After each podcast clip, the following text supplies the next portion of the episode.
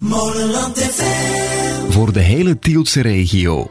Ja, beste luisteraar van Moland FM, ik heb hier bij mij Grietje Goossens, schepen van evenementen en nog heel wat zaken, maar evenementen is vandaag toch wel de belangrijkste met de Europafeesten.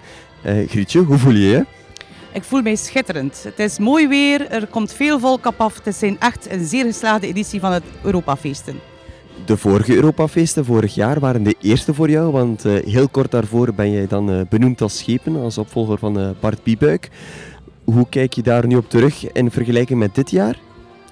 Ik ben veel meer gerust. Ik heb helpen het programma in elkaar steken. Vorig jaar was alles nieuw voor mij.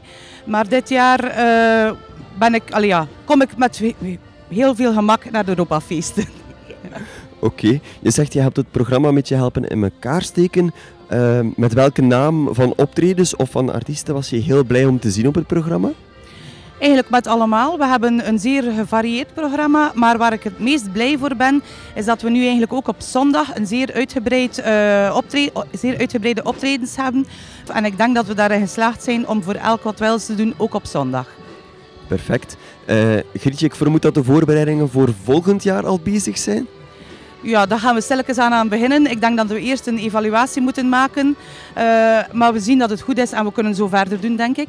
Als het weer volgend jaar, als we dat zouden kunnen bestellen nu al voor volgend jaar, zou dat natuurlijk schitterend zijn. Dat zou inderdaad heel gemakkelijk zijn, maar eh, zo zit het leven nu eenmaal niet in elkaar. Grietje, bedankt voor dit eh, gesprek. Ik zou zeggen, we hebben nog allemaal plaats, dus iedereen die nu luistert, is zalig weer. Graag afspraak straks op de markt.